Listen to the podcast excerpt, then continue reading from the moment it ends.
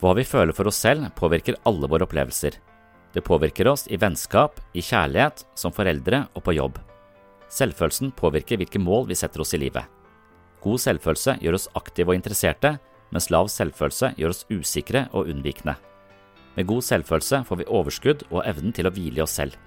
Med dårlig selvfølelse må vi tilkjempe oss noe mer for å føle oss verdifulle, og det kan være utmattende. Selvfølelsen påvirker vår livskvalitet, og det spiller en rolle i forholdet mellom suksess og fiasko på en rekke områder. Hvordan vi vurderer oss selv og vår egen verdi, påvirker hvordan vi tenker, føler og handler i møte med livets utfordringer. Jeg har skrevet en bok om dette, og denne boka går i dybden på selvfølelse og gir deg kunnskapen du trenger i tillegg til 20 øvelser som kan styrke din selvfølelse. Du finner boka på webpsykologen.no eller som lydbok ved å være abonnent på mitt mentale helsestudio på patron.com for sinnssyn.